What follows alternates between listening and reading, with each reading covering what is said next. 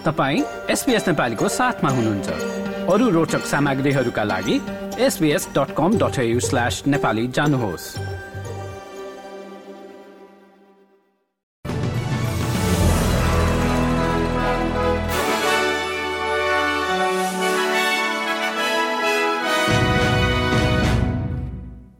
नमस्कार। आज शुक्रबार उन्नाइस जनवरी सन् दुई हजार चौबिस। अब पालो भएको छ एसबीएस नेपालीमा। आजका प्रमुख अस्ट्रेलियन समाचारहरू सुन्ने। सुरु गरौं ट्रेजरर एङ्गस टेलरले आइएमएफको रिपोर्टमाथि दिएको प्रतिक्रियाको प्रसङ्गबाट।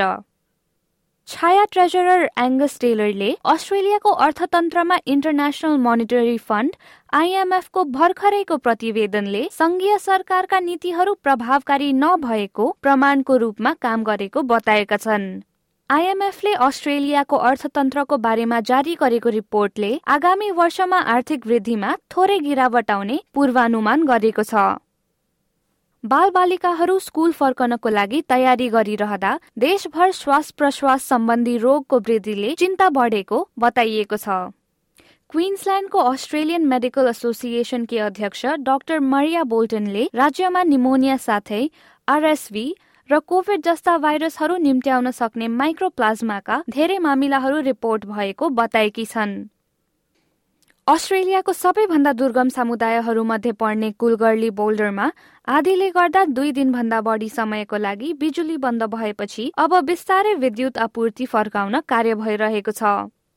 बुधबार सत्र जनवरीमा यस क्षेत्रमा भारी वर्षाले पानी आपूर्तिदेखि संचार सेवा इन्टरनेट र ग्यास स्टेशनहरूमा प्रभाव पारेको थियो।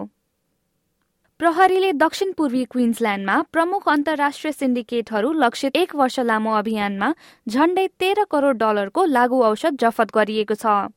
सन् दुई हजार बाइसको डिसेम्बरमा उक्त अपरेशन सञ्चालनमा आएपछि चारवटा लागू औषध प्रयोगशाला बन्द गरिएको थिए भने दुई सय एकचालिस अभियोगका साथ चौवालिस जना पक्राउ परेका थिए। र फुटबलमा सिरियालाई एक शून्यले हराउँदै अस्ट्रेलिया एसियन कपको अर्को चरणमा प्रवेश गरेको छ। सकरुजले खेलभर कब्जा जमाए पनि स्पष्ट गोलका अवसरहरू सिर्जना गर्न समस्या परेको थियो। हस्त एसपीएस नेपालीबाट आजका प्रमुख समाचार यति नै। सुरक्षित रहनुहोस् नमस्ते।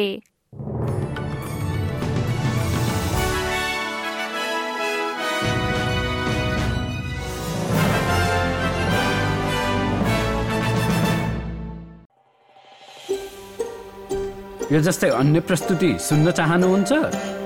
एप्पल पोडकास्ट गुगल पोडकास्ट स्पोटिफाईमा हामीलाई खोज्नुहोस् वा तपाईँले पोडकास्ट सुन्ने अन्य सेवामा।